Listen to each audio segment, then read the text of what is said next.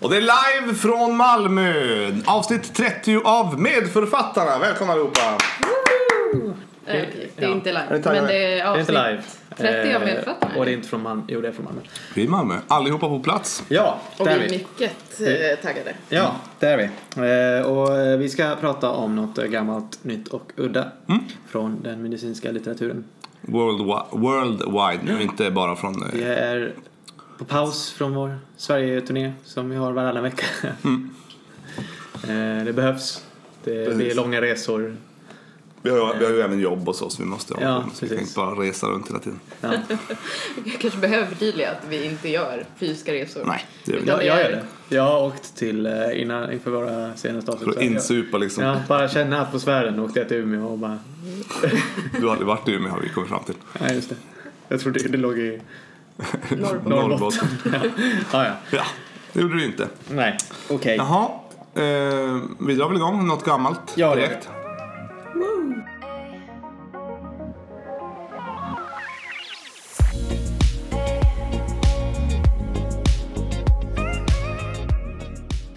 Ja, och det gamla. Eh, jag ska prata om ehm, ehm, neurologi igen, det har jag gjort några gånger. Ehm, och eh, en studie från 1995 eh, som eh, vanligtvis kallas för The NINDS Trial. NINS. NINDS, N-I-N-D-S. Okej. Nils. Eh, och det är då Det var ju inte en kardiolog som har skrivit då kan man ju säga. Nej, Nej, det den är ganska dålig och jag kom precis på att jag knappt vet vad det står för. Det är någonting National Institutes of Neurological Diseases. Diseases. S. Eh, och sen ett S. Eh, Som kanske betyder något. Eh, men i alla fall, det här är den första eh, studien som eh, visade effekt av trombolys. Den här, vi har pratat om trom- trombektomi, alltså att eh, gå in via ljumsken och plocka ut proppen. Mm. Eh, Men det som kom först var ju trombolysen. Ja. Att, eh, Har du flashat, liksom avslöjat för våra lyssnare än vad du doktorerar om? eh, nej. Ska jag, Vågar du verkligen- göra det? ska, ska jag verkligen göra det nu? Jag hade Ja, gärna men- gjort det innan trombektomi-avsnittet. Då kände jag att jag hade mer koll. Men nu har du pratat om trombektomi, nu tar du om, upp trombolys också. Mm. Det kräver sin förklaring känner jag. Ja, okej. Min eh, forskning rör stroke-epidemiologi. Mm. Så du brinner lite extra för Ja. proppar bland Ja. annat. Ja. Mm. Eh, och eh, trombolys, där tanken bakom är ju att man ger TPA, Tissue Plasminogen Activator, eh, som, som det låter aktiverar plasminogen. Så det blir plasmin som hjälper till i fibrinolysen. Alltså bryter ner fibrin som finns i eh, proppar. Ja. Klottar säger jag, det var ju engelska. ja. Proppar heter det på svenska. Just ja. Okej, så det är man, man bara speedar på kroppens egna nedbrytning av. av den proppen som Ja. finns på plats. Det är ju en aktiv nedbrytning till skillnad från då när man ger andra antikoagulantia som inte gör någonting åt en eventuell propp som redan finns någonstans. Nej. Så bryter ju trombolys faktiskt ner, hjälper till att bryta ner proppen som, som finns och i det här fallet finns ju proppen någonstans i hjärnans kärl. Ja. Ehm, och eh, det hade gjorts en del eh, kliniska studier tidigare. Största problemet var att det finns ju en risk för intracerebral blödning Mm. eh, när man ger trombolys. Det finns en ökad blödningsrisk och i det här fallet innebär ju det en hjärnblödning. Mm. Så en till stroke på sin stroke. Ja, eller precis. Det, För stroke eh, innefattar väl även blödning? ja, i sitt begreppet begrepp. stroke är ju Ja. subarachnoidal blödning, Mm. eh, intracerebrala blödningar och ischemiska strokes. Mm. Okej. Eh, Men det, har varit, det hade varit det stora problemet ehm, innan och då hade man i subgrupper av de här tidigare studierna sett att den, största- den största vinsten utan någon eh, större ökad risk så för tidig död och eh, omvandling till eh, blödningsomvandling var bland de patienterna som behandlades inom tre timmar.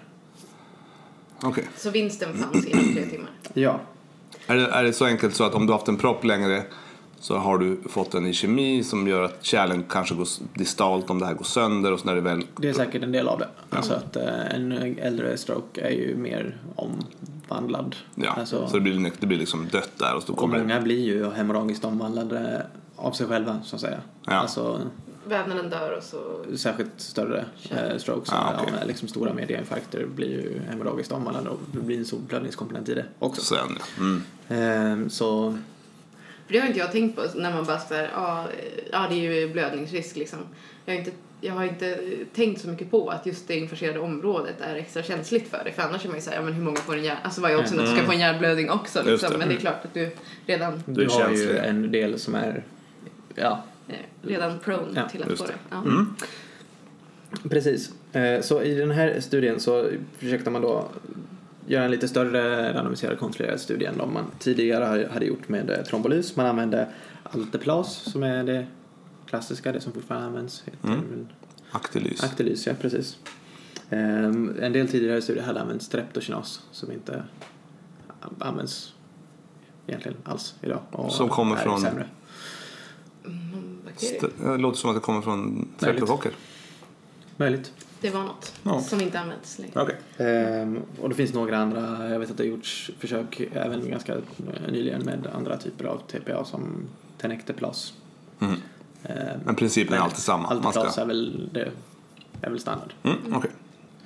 Ehm, ja, och ehm, i den här studien så inkluderar man då patienter som hade en kemisk stroke med en klar eh, debuttid. Mm. ehm, som hade minst ett poäng på NIOSS, alltså den här skalan, för att värdera svårighetsgraden av stroke. Mm. Och ju mer poäng desto svårare. Ju mer Mm. poäng desto svårare. En poäng är ju inte mycket då. Nej, och max är väl eh, 39 och rent... Är det så mycket? Ja, 27 trodde jag. nej, max är Okej, 30. 39 om man är i koma tror jag. Okej. Ehm, och då får man ju poäng för en del olika saker. Mm. Eh, orientering, ehm, ögonrörelser, ehm, Styrka i händer och ben och- Precis. Mm. Neglekt, afasi Just det. med mera. Mm. Ehm, och då skulle man ha gjort en första CT också som inte visade någon blödning. Nej, just det. Eh, och så fick man då inte haft en stroke inom tre månader eller något huvudtrauma. Eh, fick inte ha några antikoagulantia.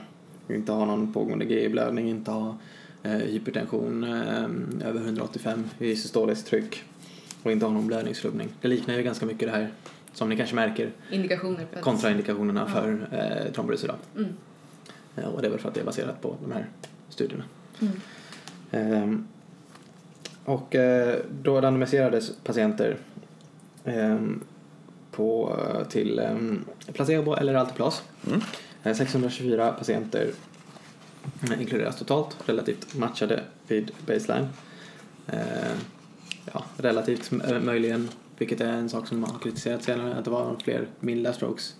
Eh, eller fler väldigt milda strokes i ehm, gruppen ehm, som fick Altiplas. Mhm. Eh, Även om median eh, eh, NUSS var ganska lika så kan det ha varit fler Ah, okej. väldigt milda strokes och att det då är skillnad på en mild stroke och en väldigt mild stroke. Ja, just det. Eh, Vi kommer komma in på det här lite senare. Mm. Ehm, och den outcomen man, man hade var en slags global eh, mishmash i första hand Mm. eh, av ehm, ett antal av ett antal outcome-mått som Modified Ranking Scale som då mäter hur ehm, eh, funktionsgrad Ja, det. Den har du pratat om. Den här den, det var, användes ju även i traumatomistudierna. Den går från 0 till 6 där. 6 är död, 0 är att man är helt oberoende eh, funktionellt. Just det. Eh, och sen däremellan är det ja, vilken liksom funktions och aktivitetsgrad man har. Mm. Eh, om man kan gå själv, om man kan eh, sköta sin ADL och sådär. Mm. Eh, man använder även Bartell-index som är ett mått på eh, aktiviteter i vardagliga, Just eh, vardagliga aktiviteter. Mm. Eh, hur bra man kan till exempel eh, få i sig mat, eh, duscha, klä på sig, klä av sig, Mm. förflytta sig Mm. och sådär. NUSS var också med som mäter strokesvårighet. Glasgow Outcome Scale också Okej. Som är ganska lika med dess. Eh, de är, det är inte vad jag kan se någon större skillnad mellan dem. Okej. Ehm, och eh, eh, resultatet eh, blev då att vid tre månaders uppföljning eh, man gjorde även en del analyser efter eh, eller man gjorde även en kontroll efter 24 timmar Mm. efter stroke-debuten men det var inga större skillnader. Det kan man ju kanske förstå att det ganska tidigt. Mm. Eh, Men eh, vid eh, tre månaders uppföljningen så såg man en skillnad i den här globala testningen med två gånger högre odds, eller då ja, risk, Mm. för bra outcome. Okej. Ja. Chans. Eh, precis, det blir ju chans då ju. Eh, och det låg runt två för de separata testerna också. Och bra outcome eh, definierades då som att man hade 95 eller 100 på Bartell-index så det är väldigt nära ehm, att man är helt och hållet Mm. oberoende i eh, sina vardagliga aktiviteter. Eh, ett eller mindre än ett på NUSS, så nästan inga kvarvarande bortfall. Nej. Eh, Man får ju ha något kvarvarande bortfall då. Eh, Och eh, ett eller mindre än ett på Modified Ranking Scale som också är väldigt lindrigt. Ja. Så de, det är en ganska, tycker jag, ganska snäv. Ja. Ehm, vilket är väl bra i det här sammanhanget. Eh, men det här är liksom chansen för att bli väldigt väl återställd, Ja. skulle jag säga. Verkligen. Ehm, För det, på ett sätt är det ju, finns det ju också en ganska stor skillnad gentemot att eh, liksom inte alls kunna kommunicera med sin omgivning och bara bli liggande i en säng är ju en väldigt stor skillnad med, med att vara liksom hemiparetisk. ja, precis. Alltså, Mm. För då kan du ju ändå ha Mm. Liv. Liksom. Mm. Det är ju svårigheten, och det kommer jag också komma till lite senare, med många av de här skalorna. Att vad betyder siffrorna? Nej, Mm. precis. Ehm, så. Man skulle vilja se människan framför sig, Ja, det går precis. inte. Eh, det är ju liksom så, eller precis, liksom sifferstegen är ju helt olika. Ja, Alltså, det är ju, ja, och jag, jag har ju, och du också, jag vet inte om du har gjort det Miriam, men testat sådana här MRS och Bartell score och dem. Det är ju inte alltid så lätt att hitta vilken siffra. Är det en ett eller en två? Mm. Det, kan vara rätt så knivigt. knivigt ja. Absolut. Ehm, bra, men det var i liksom snabba lag. Mm. Ehm, det- det stora resultatet härifrån. Man såg heller ingen mortalitetsskillnad ehm, efter tre år. Ehm, man såg ingen när man eh, rangordnade patienten i de olika grupperna av modified ranking scale, alltså funktionsstatus, så såg man inte att det liksom berodde på att det var en ökning av dem med svår funktionsnedsättning. Ehm, Nej. att det liksom var därför ehm, fler hade favorable outcome, att man liksom sjuntade. Att de som, antingen blir man bra eller så blir man jättesjuk. Ja, precis. Nej. Att man eh, precis sjuntar vissa mot en, Mm. en mycket värre outcome samtidigt som man kanske hjälper fler. Just det. Ehm, och eh, sen fanns det ju en ökad risk för symptomatisk eh, intracerebral blödning. Ehm, I trombolysgruppen. eller? Ja, och framförallt då med patienter som hade svårare strokes vid baseline, högre poäng på NUSS. Mm. Eh, ingen större skillnad på vad gäller asymptomatisk eh, blödning. Och det här var alltså patienter som kom in med max tre timmar. Duration, ja precis. Så det var inga wake-up strokes och sånt. Nej, det var skulle vara en klar debuttid. klar debut. Mm. Tre timmar och så eh, ganska rejäl lista med eh, Mm. eh, exklusionskriterier. Just det. Mm. Eh, och det är den här då som gav Trombolys FDA approval, Okej. eh, den här studien. Mm. Och sen har det kommit till fler studier efteråt. Mm. Eh, en viktig var ECAS 3 som kom 2008 som utvidgade trombolysfönstret till 4,5 timmar. Som är Mm. det som vi... Just det, det är tentasvaret. Fyra och en halv timme. Precis, Just det. det är det vi känner igen idag. Ehm, och, ehm, och så har det kommit fler efteråt, bland annat en, en stor som heter IST3 som nästan har dubblerat antal patienterna som är med i de här analyserna. Okej. Eh, Så att de hade med 3000 patienter. Mm. Ehm, Och även tog med patienter som var över 80 år Okej. som inte hade varit med tidigare. Och då, ålder är ju ingen kontraindikation Nej. för trombolys i sig Mm. nu heller. Nej. Ehm, Men ändå så eh, finns det ju en del kontroverser om det här och det här som jag har försökt att eh, bringa någon slags liten ordning i men det kommer jag nog inte kunna göra utan tänkte mest att jag skulle uppmärksamma om att det finns kontrovers kanske. Ehm, och det verkar väl huvudsakligen vara vad jag har förstått eh, akutläkare och neurologer i USA som är lite oense. Okej. Så, ehm, från vad jag har kunnat läsa. Jag har läst igenom några olika artiklar, bland annat en neurolog som har skrivit en eh, reviewartikel eh, Peter Sandercock som heter Controversies in Thrombolysis. Och sen passade jag också på att besöka den här um, medicinska, akutmedicinska bloggen Life in the Fast Lane Mm. och deras um, del om trombolys. Så jag försökte liksom att Jämföra. se det här från båda sidor eh, på något sätt. Och neurologerna är för och akutläkarna är emot. Ja, det är väl man ska... någon, någon slags, ja precis. Mm. Eh, är väl det som är uppfattningen. Okej. Eh, Och vad man har då för invändningar mot trombolysen är ju just såklart risken för eh, intracerebral blödning och eventuell tidig död. Mm. Eh, Och så kritiseras det också liksom metodologin i många av de här eh, eh, trombolysartiklarna som finns. Eh, I alla fall de tidiga. Bland annat då den här ECAS 3 som hade ett konstigt outcome-mått där den klumpar ihop de med MRS2, alltså mild eh, funktionsnedsättning Mm. med, eh, med död. Alltså, Mhm. och det gjorde ju li, lite grann även eh, Den första. eller det gjorde den första också. Minns. När man bara tittar på ehm, en väldigt god Mm. outcome så då klumpar man, eller då är ju det samma outcome att ha en väldigt mild Mm. funktionsnedsättning som MRS2 ändå kan vara. Att Mm. det är ju i princip, jag kan inte göra alla aktiviteter jag gjorde innan. Nej. Alltså rent det är jag, inte tror, jag tror att det är rätt att tänka så att eh, om jag säger att jag kan inte spela golf längre i övrigt lever jag, ja, jag lever jag ett helt normalt liv. Mm. Då är man MRS2 Just det. Det klumpas ihop med Och då död. klumpar man ihop det med någon som är med, med död. Liksom. Mm. Så det, är- ja, det är ju en ganska... Det blir lite trubbigt. Ja, det blir trubbigt. Precis. Eh, och det är ju ganska trubbiga mått man har överlag. Mm. Eh, det som står här i eh, Life in the Fast Lane eh, är att eh, när de räknar på den datan som finns eh, publicerad från randomi- randomiserade kliniska studier av trombolys Mm. så räknar man med att um, trombolys ger en intracerebral blödning i 58 av 1000 behandlingar. Mm. Eh, tidig död i 25 av 1000 behandlingar.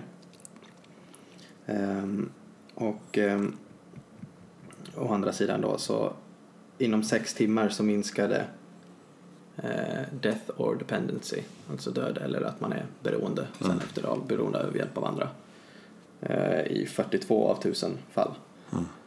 när man tittar på siffrorna. Mm. Så kanske rädslan är ju att man inte gör någon Det är ingen skillnad. nytta så. Sen Mm. om man tittar under tre timmar så är det 90 av 1000 ehm, som ändå undviker död eller hjälpberoende. Mm. Ehm, som i alla fall är fler än antalet ICH Mm. man orsakar så. Mm. Men det är ändå få. Och ett number needed to treat på ungefär 11. Mm. Ehm, och, ehm, men den här IST3-studien har ju ökat på ehm, antalet patienter ganska mycket. Ehm, men det är väl så att det ändå är lite knivigt. Det är ju en, ett beslut ändå som en man behöver ta baserat på den här datan på något sätt. Mm. Absolut. Ehm, och det, jag tror inte man kan komma ifrån att det är bra att det finns i många fall. Eller ja, kanske inte jättemånga fall, men i vissa fall är det ju en extremt bra behandling. Mm. Problemet är väl att hitta en absolut konsensus Ja. om i vilka fall och i vilka fall Ja. kanske det bara gör det värre. Precis. Det är väl där man inte är helt Inte rätt ännu kanske. Nej. Men i Lund så kör man ju något, och säkert på många ställen, men eh, då kör man ju sånt rädda hjärnan-larm. Då kommer neurologen dit. Mm. Och som jag fattar det så är det neurologens beslut om det blir trombolys. Mm. Eh, är det samma på KI? Det är nog mycket möjligt. Jag var inte med på något sånt. Nej. Men eh, det är ändå... Alltså, jag- hoppas ändå att man har en liksom, skriftlig form av kontraindikationerna varje gång man fattar det här beslutet eller någonting. För Det har känns man ju att det är väldigt De många har ju speciella, liksom, Rädda. Hjärnan. Ja. Rädda hjärnan-mappar som man tar fram. Och Ja, sånt. det finns ju många kontraindikationer. Det är ju ganska, ännu relativt få som är eh, jag såg någon uppskattning om att det bara var 5% av de som kommer till vissa Mm. akutmottagningar som med stroke som är Kan möjliga behandlingar, behandlade väldigt trombolys. För man har ju ändå en känsla av att vi har en behandling mot stroke i och med det här. Men det är ju ja, kanske en illusion på ett Ja. sätt. Och sen är det ju svårt i båda änden av spektret med eh, mild stroke. dels är ju frågan vad är mild stroke? Mm. Ehm, de som har väldigt milda strokes har ju en tendens att bli bättre inom Mm. kort tid Precis. eh, utan någon behandling. Ja. Så de, det finns ju föreskrifter om eh, ungefär när man ska överväga behandling. Men det är också svårt att värdera vad en mild stroke är. Just det. Använder man en USS som är ju ett bra mått så, det är väl det bästa vi har. Men Mm. det är ju ändå att ha en poäng för afasi Mm. är kanske inte samma sak som, eller det är ju inte samma sak som en poäng för något annat. Mm. En poäng för att jag inte vet vilken månad det är. Eller Nej. alltså, Nej, eh, lite, ja. det är ju trubbigt. Och, Som det alla är från måtten så är det ju- person också. Det är Mm. det klassiska som alla säkert har sagt på alla neurologkurser någonsin att eh, om någon kommer in och spelar fiol eh, professionellt Mm. och det enda de har är eh, en inskränkning i rörelserna i ena handen. Ja, Då kanske det är mer angeläget att behandla än precis. Om någon annan skulle. Mm. Ja. Mm. Ja, Det absolut. känns som det klassiska exemplet. eh, så där har man ju ett ganska stort problem Mm. med vad, vad är en bild. Precis. Eh, så. Eh, och eh, sen är det också väldigt svår stroke. Eh, det är också väldigt svårt att värdera. Det är kanske där man teoretiskt har stor nytta av att lösa upp proppen. Mm. Kanske också där man har störst risk att orsaka en ICH. Eh, hur ska man tänka där? Har man, ska man tänka inget att förlora? Ska man Mm. tänka Ja. inte göra det värre? ja, det är svårt. Och det är ju ganska tidskritiskt också. Det Ja. går inte stå och fundera allt för länge. Ja, det, jag vet inte, och så är det ju så het- heterogent i sig, stroke också med, som vi redan har sagt nu, hur många olika symptombilder Mm. det kan ha dels, men sen också de olika eh, bakomliggande orsakerna Mm. med eh, embolier från, från hjärtat, Ja. eh, storkärlssjukdom, småkärlssjukdom. Absolut. Det är... Eh, mm. Mm. Så det hade varit bra om man eh, verkligen hade, det hade varit eh, skönt att veta precis eh, när man gör nytta och när man potentiellt gör skada. Mm. Eh, där eh, är väl inte litteraturen så kan man väl Nej. konstatera. Så det finns utrymme för fler studier kan man säga. Ja, Mm. Det finns det ju. Och fler Eh, Men jag visste knappt eh, att den här kontroversen fanns förrän, ja, jag vet inte, något, ett par år sedan kanske. Nej. Är den större i- USA då? Jag tror det. Mm. Eh, för deras ehm, College of Emergency Medicine, American College of Emergency, Emergency Medicine, jag kan faktiskt läsa hur de eh, uttrycker sig om trombolys. Jag tyckte det var nästan konstigt. Eh, av hållsamt. Eller ehm, de skriver att eh, de eh, recognizes intravenous thrombolysis as a potentially beneficial intervention for acute ischemic stroke. There is, however, conflicting evidence such that the administration of stroke thrombolysis by uh, emergency department st- staff is a controversial area and cannot currently be, decided, be considered a standard of care. Nej. Då gäller det ju specifikt att akutläkare ska göra det. Så det, Mm. det kanske är så att neurologer ändå ska göra den bedömningen. Just det. Eh, Och kontroversen är större i USA kanske för att de har ett mer utvecklat akutläkarskrå än i Sverige har hunnit få ännu. Då. mm. Mm. Ja, men det har väl väldigt länge varit neurologens bord. Mm. jag. Precis. Men sen är ju trombolys såklart en etablerad behandling i eh, bland alla andra. Det här gäller ju bara akutläkare och personal. Så. Mm, ja, precis. Mm. Ja, Ja, det var Intressant.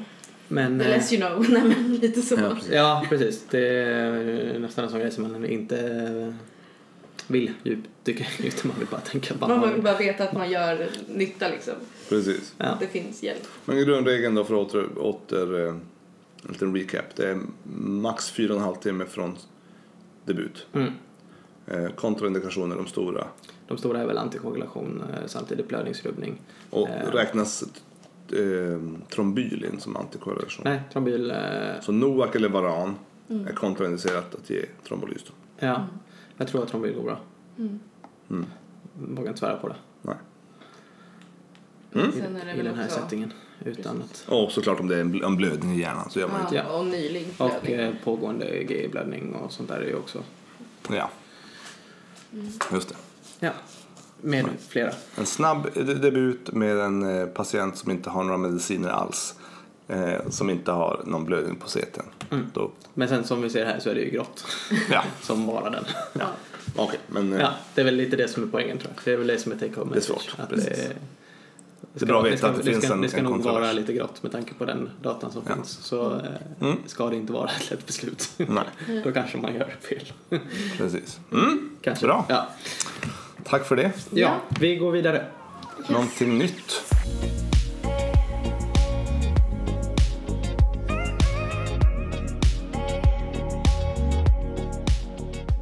Då kör vi igång med någonting nytt. Vem ska ha det nya? Det ska jag ha faktiskt. Eh, jag eh, kom in på det här ämnet från en vinkel som jag tänker att jag avslutar med. Men eh, vi börjar i eh, JAMA. Mhm. Psychiatry är vi och rör oss i nu. Och jag varnar redan här för att den här studien är på en nivå jag sällan har skådat. Okej. Och jag har skrapat på ytan av den.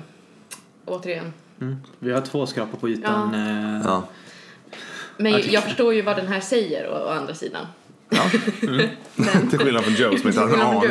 Jag förstår inte riktigt hur de har gjort för att komma fram till det. Nej. Eh, men det här är alltså en eh, artikel publicerad eh, i januari i år. Så det är en rykande färsk. Och det är eh, Choi et al. Eh, som har gjort en studie som heter Assessment of Bidirectional Relationships Between Physical Activity and Depression Among Adults. A two-sample Mendelian randomization study. Eh, så att, om man börjar med det man förstår så vill man här försöka förstå om fysisk aktivitet eh, hjälp, är skyddande eh, för att utveckla depression. Mhm. Eh, och det här har ju studerats på många sätt men eh, har varit svårt att göra.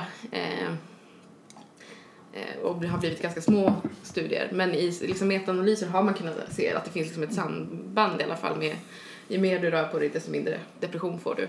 Men det är ju just det där fåret som är svårt. Just att, eh, är det kausalt eller inte? Eller, menar, nej, det är ju väldigt lätt också att bara tänka sig att är som- du deprimerad så, Så springer du inte runt och Nej. spelar fotboll så då har du inte den motivationen därför det är ju en del av liksom, Mm. ja, sjukdomsbilden. Det var min spontana tanke också. Precis, så då har man liksom eh, försökt här Tvinga ut dem. Ja. Nej, men eh, att göra en eh, causal inference eh, på något sätt göra en jättestor avancerad sak Mm. för att se om det kan finnas ett kausalt samband Mm. eh, här emellan. Eh, och det har man gjort då genom att göra, använda sån här Mendelian randomization.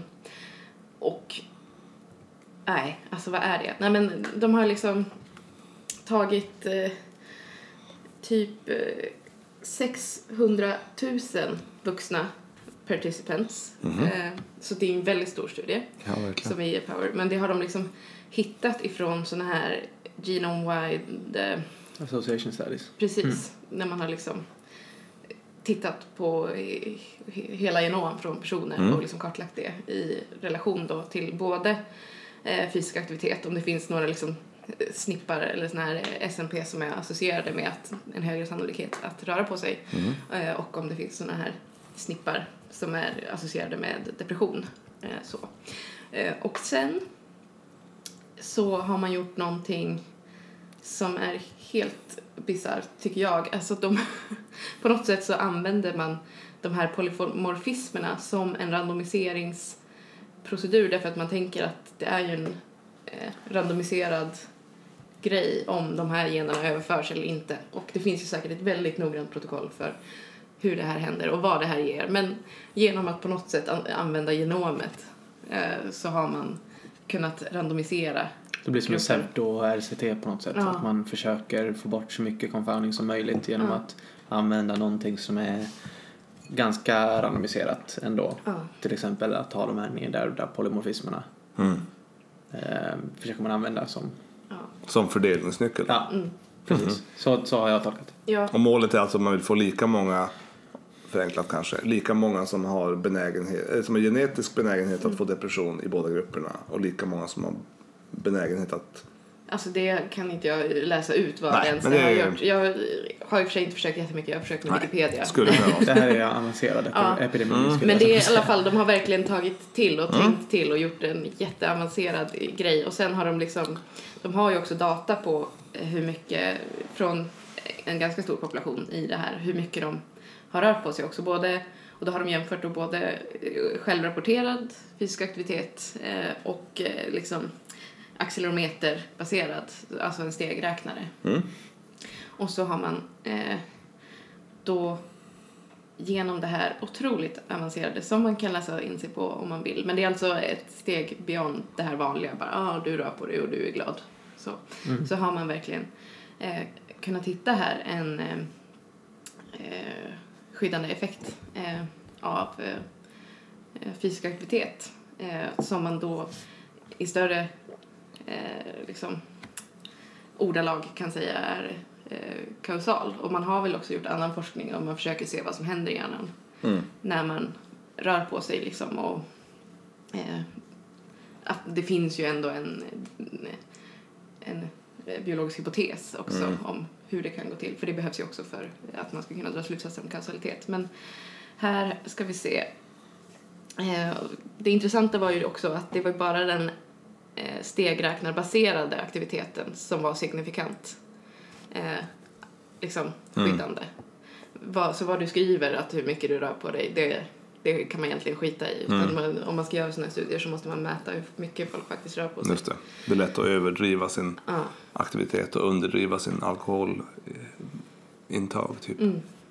Och precis. Och så för varje liksom standardenhet man höjde sin eh, aktivitet, grad av aktivitet, så eh, mm, sänktes oddsen väl för eh, depression med eh, typ eh, noll, eh, 25 procent. Så att Mhm. du hade liksom 0,74 odds ratio och den var signifikant då. Mm. Eh, så att eh, det här var liksom eh, just att eh, man för första gången kunde mäta då i någon sorts pseudorandomiserat Mm. eh, Mm. på ett väldigt stort material Mm. för att liksom kunna få bort det här med Mm. så otroligt stora confoundern och det här möjliga inversa kausala. Men Just det. Okej, så att, att träna minskar risken för att få depression. mer och mer eh, evidens Mm. pekar mot det helt enkelt. Mm. Och då ska man ju få bort den här eh, bakvända eh, liksom kausaliteten också.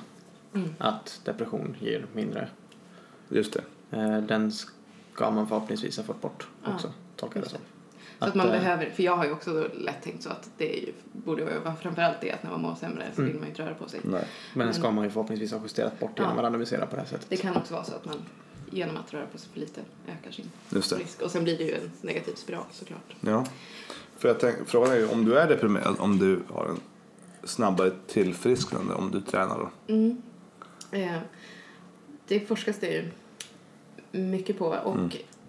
anledningen till att jag kom in på det här är ju ett väldigt spännande projekt som har pågått ganska länge på Huddinge sjukhus som jag har fått höra om via min mentor som jag har haft hela läkarprogrammet. Mm. Eh, psykiater Lina Martinsson på eh, Psykiatri Sydväst måste det vara Mhm. i Huddinge som har haft eh, ett koncept som de kallar eh, braining, eh, training for the Mm. brain. Eh, och där gör de ju, alltså det, det började inte som en studie utan, men, utan det var ju mer att hon hade liksom hört de här ganska många rapporterna ändå att det Mm. skulle vara bra med fysisk aktivitet så tänkte man, men vad, det är ju ingenting som vi erbjuder. Så här. vi Mm. Nej. måste ändå försöka med det här om det nu finns liksom, indikation på Ja, det. I alla fall som komplement. De började ju på, där hon var på den eh, affektiva bipolära eh, avdelningen då. Mm. Men, och det är då att erbjuda eh, eh, ja, gympapass eller liksom träning som en del av eh, Vården.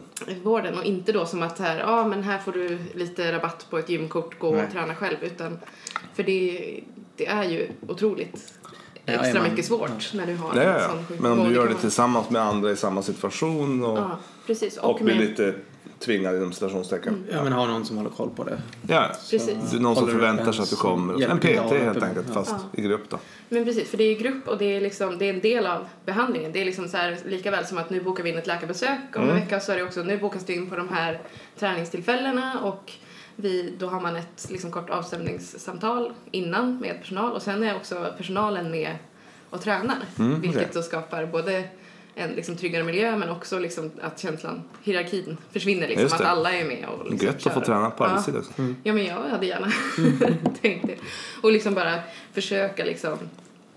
Det är liksom, du, får, du måste betala om du uteblir. Alltså det är som ett vanligt läkarbesök, att man vill göra det tydligt att det här är en del av En del av behandlingen. Och liksom hon har ju berättat många eh, solskenshistorier från det här. Liksom.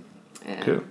Och ja, men jag, jag har varit så fascinerad. För Ja. att det är sällan man hör om någon som bara gör något så här handgripligt. Att så här, Mm, ja, men vi ska... Och nu har de ju börjat göra, alltså de har gjort en eh, pilotstudie där eh, som ändå har sett att det är liksom sjukdomsbördan minskar och Mm. även alltså förbättrade man ju sina eh, liksom metabola värden och kan till och med gå ner i vikt eller sådana saker. Alltså liksom, Mm. och hon sa att vi har inga adverse effects än så länge det är ingen som har skadat sig eller liksom Nej, så. just det. Eh, Ortopeden har inte fått mer att göra.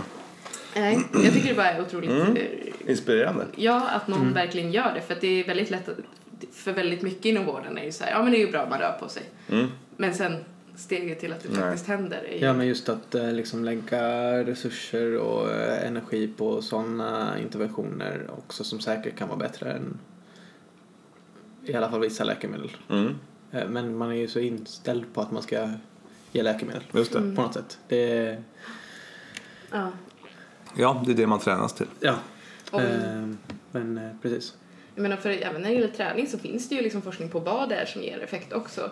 Eh, att det ska vara liksom, det är f- framförallt lite hårdare träning. Du ska ha en liksom 75% av maxpuls Mm. i eh, minst 30 minuter tre gånger i veckan. Det är det som har bäst Ja. effekt. Och, men också har man kunnat hitta att det kan minska symptomen under pågående depression men också kan skydda frisk person då från att återinsjukna eller att förstagångsinsjukna. Mm. Så att Mm. Det, Det vore intressant att veta om, om någon del av effekten är just det att man gör det i grupp tillsammans med andra. Om det, man skulle ha eh, vissa som måste springa själv eh, på ett löpband tre gånger i veckan och vissa som får göra det i grupp. Om det skulle vara någon skillnad.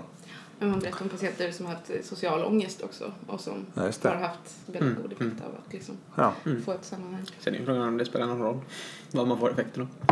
Nej, Ja. men eh, om man ska liksom, Håller. sepa, Ja. separera vad man får effekten ifrån så kan det ju vara så att den sociala biten också är Mm. Mm. en del av det. ja. Nej, men lite som det här med att, in, att vara arbetslös, du har inget sammanhang. Du har ingen som, det är ingen som bryr sig om du stiger upp på morgonen. Nej.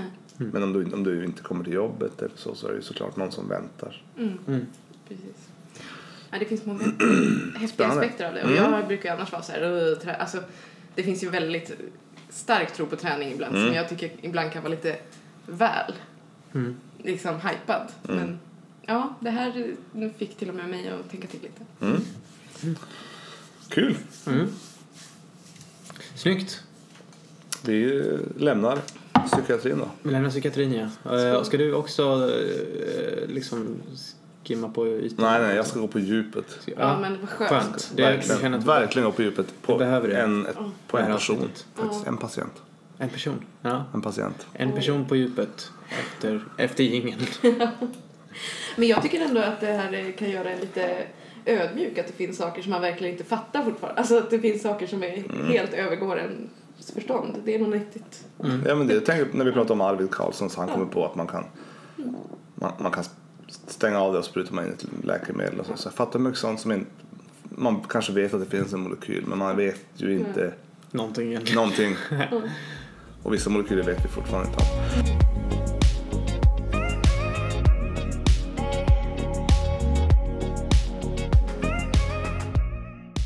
Nu kör vi! Någonting udda. Ja! Och jag lovade att jag skulle... Ja! Och jag lovade ju att jag skulle djupdyka till skillnad från er som har varit lite mer på Lite ytliga. Ja, men lite så. Lite, kanske lite större, ni har haft lite större områden. Eh, jag tänkte prata om en, eh, en, eh, en, en patient, en person, en journalist faktiskt. Oj. Som, eh, är vi fortfarande inom ramarna för vad den här podden ska handla om? ja det är vi faktiskt. Medicinsk Och vetenskap. det ska handla om en, en journalist som har, kanske har en sjukdom i, i sin eh, hypofys.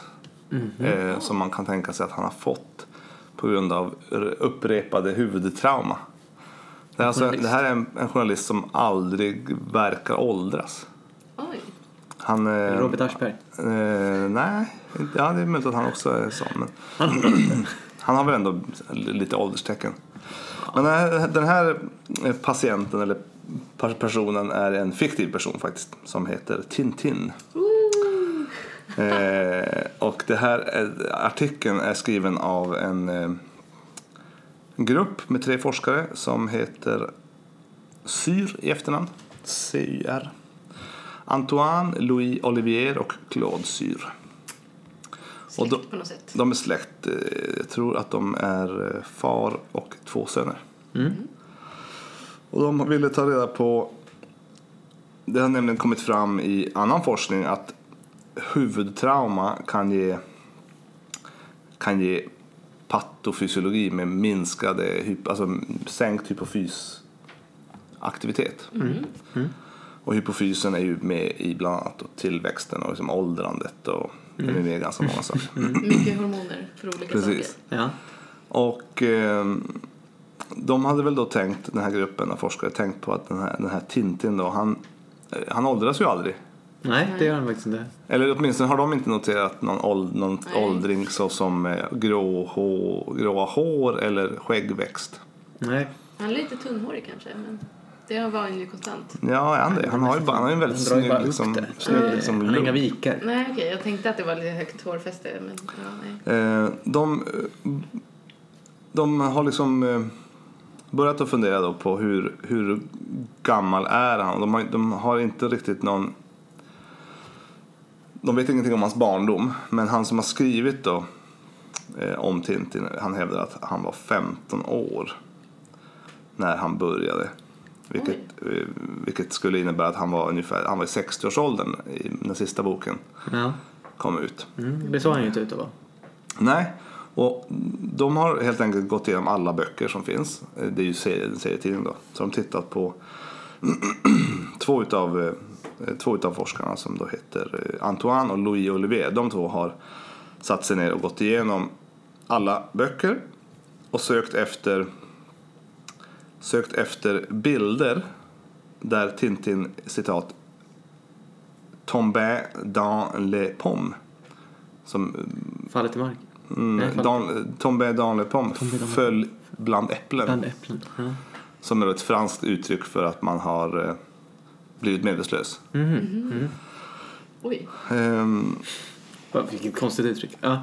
och eh, så huvudförfattaren, då, det sista namnet, Claude, han har gett då de här två andra i uppgift att göra detta. Eh, till saken hör ju då att Antoine är fem år och Louis eh, Olivier är sju.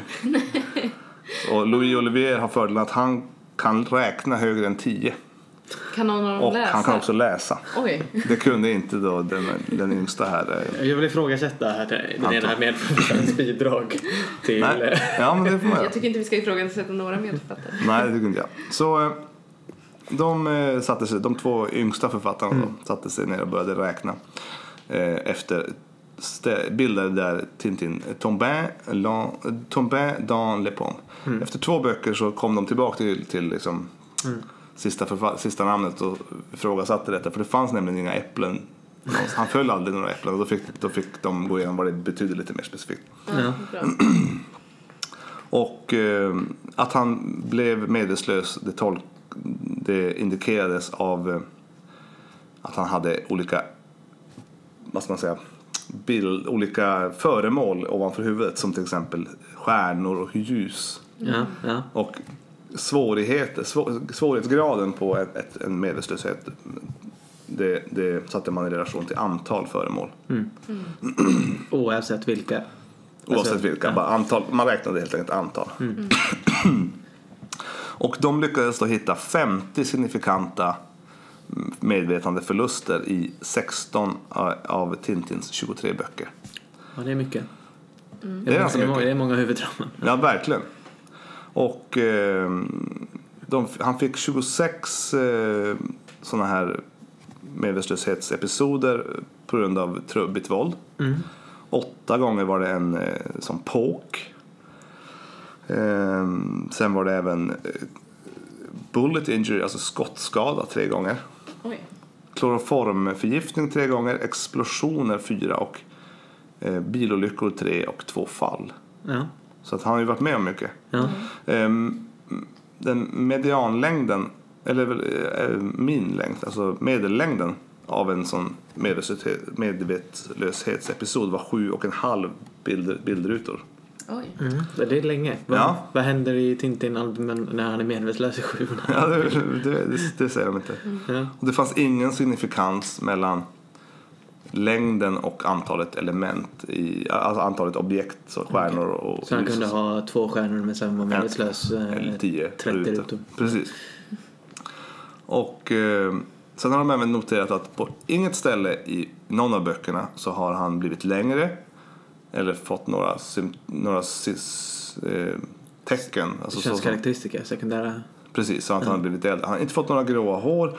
Han har inte fått någon pubertal utveckling såsom skägg eller så. Mm, nej, precis. Alltså, han ser likadan ut. Prepubertal ut. Tyvärr säger de så fanns det ingen, ingen brain imaging Nej. eh, genomfördes på Tintin. Då. Ehm, nej, efter han har gjort det här. Dessutom så har de noterat att han en gång så tappade han medvetandet efter en mild dehydreringsepisod. Vilket skulle då kunna vara tecken på eh, sekundär adre, eh, adrenalinsufficiens. Oj. Ja. Och det skulle då kunna bero på att han har att- låga att panhypopituitarism. Det är väldigt svårt, Det svårt är att väldigt, säga. väldigt svårt. Panhypopituitarism. Pituitarism. Och om han skulle ha hypogonadism då, alltså på grund av att han har fått så mycket trauma så skulle Mm. det kunna eh, förklara hans, hans försening då i längdökning. Hans att, han, ut, uteblivna längd. att han inte har någon, de har även noterat att han, han verkar inte ha någon, någon libido. Någon, så. Och ingen pubertet. Noterade femåringen den här? Ja, Eller? det är oklart, men det ju det här som en grupp då. Eh, och som ett sidospår här så pratar de också om att eh, fördelen med att faktiskt involvera barn i, i, i studier är att det kan vara av godo. Som ett resultat så lärde sig då den femåringen att eh, räkna till tio. Och eh, de vet båda två nu vad eh, eh, tomber dans le pomme betyder. Eller vad det, liksom, vad det, det, vad det betyder, men vad det innebär lite mer specifikt. Man kan ju lära sig väldigt mycket av att genomföra forskning. Mm. Slutsats. Absolut. Eh, De kommer fram till att eh, den stora begränsningen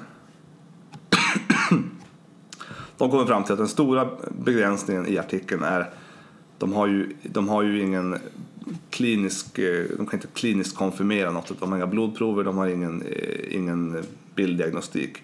Men eh, det tycker den här andra författaren att citat, det är okej. Slutcitat. Härligt. Ehm, Ja, och, sen så, och sen så går de igenom, de har ju såklart en lista på alla, alla skador han har fått så vill man läsa det så kan man läsa den här artikeln. Men ehm, Har du några exempel? Ja, det- I Den blå lotusen så får han eh, en 22 bilder lång eh, kloroformförgiftningsmedvetslöshet. Hur många föremål? Eh, då var det noll, Inga föremål? Han, ja, okej. Men han var uppenbarligen medvetslös ändå. Ja, ja. Ehm, I, eh, vad ska vi ta med? Tintin i Kongo så är han eh, påkörd av Snowy. Oklart. Eh, tre, tre stycken eh, Föremål? Nej, tre, Nej, tre rutor. tre rutor, tio föremål. Han, och I samma bok så är han i ett slagsmål med ett lejon. Och då är han är borta i elva rutor med tio föremål. Mm. Så mest antal föremål så är det nog eh, här i eh, en explosion i Land of the Soviets, jag vet inte vad den heter på svenska. Då är han borta i två rutor, men det är 14 föremål. Oj. Och den längsta, absolut längsta tiden han är borta, det måste vara i Destination Månen. Eller vad heter den? Månen tur och retur heter den. Just Då, han, då är det en, en, eh, skottskada. 60 rutor han borta. 60 rutor, 60. inga föremål i... Inga föremål heller? Nej, Nej. okej. Nej. Då vet man det när man ska läsa nästa serietidning att det behöver inte ha någon bäring för svårighetsgraden av huvudskadan och Nej. inga föremål där Precis. eh, som svävar ovanför huvudet. Nej. Sen så skriver de lite grann, det läser man ju sällan, men de här contribu- contributors som man kan läsa om, vem som, har, vem som har hjälpt till då. Eh, då står det att de här två pojkarna, AC och LOC, de var aktivt involverade i att samla data och ehm, pappan skrev själva artikeln. Men de tittade igenom eh, slutgiltiga artikeln tillsammans och ehm, de två pojkarna förstod inte fullt de följande orden. Hypogonadism, panhypopituaritism, Spearman-korrelation och libido. Och då förklarade se, eh, Claude, då, som han heter pappan, han förklarade dem eh, så här. Den första eh, No hair above the wee-wee because of a missing hormone. Eh, Den andra var A part of the brain that is not working. Det här spear, Spearman-korrelation var a test to see if th- two things are connected. Och sist då, eh, ingen libido. Eller libido. Wanting to make love. Eh, Och efter en lång diskussion om, om hair and the wee-wees och eh, vad det betyder att making love, vad det betydde så kunde de eh, alla tre tillsammans ändå godkänna, slut, slutgiltigt godkänna den här artikeln för publikation. Nej, vad mysigt. Ja. Den heter Acquired Growth Hormone Deficiency and Hypogonadotropic Hypogonadism in a Subject with Repeated Head Trauma. Or Tintin Goes to the Neurologist. Ja, Sorry. ja men bra. Det är så fint att någon tar sig tid. Ja. Ja. Det, Så det finns en fin bild här på, på eh, både på eh, de tre forskarna och Tintin bredvid varandra. Tintin är lika lång som, som sjuåringen där. Ganska Ja. exakt, jag har till och med lite kortare aha, ja, ja, man skulle vilja veta vad han hade för huvudtrauma innan han fyllde 15. Eh, Med tanke på hur mycket huvudtrauma han hade Ja. efter han fyllde 15 så hade han troligtvis en hel del innan också. Ja. Det var allt för idag. Det var allt för idag ja. Ja. Avsnitt 30. 30 avsnitt! Det är ju ändå starkt. Vi har ju passerat eh, ett år utan att säga det så Ja, mycket. ja. Ja just det, vi är eh, över ett år gamla. Way past that. Ja. Det tänker vi inte ens fira. Nej. Nej, det var ju självklart. Tio år är det vi kommer fira. Kanske. Och då kommer det firas, ska ni veta. Då kör vi live. Ja. Från Globen. Minst. Minst. Eh, ja, men eh, vi är tillbaka om eh, två veckor. Ja. Då blir det lärosätes eh, Mm. ja, avsnitt igen. antingen är vi i Linköping, Uppsala, Örebro eller KI. Ja. Eh, och ja, det beror på vem som först eh, säger hej eller interagerar med oss på sociala medier. Eller gilla något. Ja, gillar något, eh, visar att de eh, bekräftar vår existens. Eh, Vad som helst. ja. så, så tänker vi. Yes. Ha det gött! Ha det Ha det fint bra. allihopa. Hej då. Hej!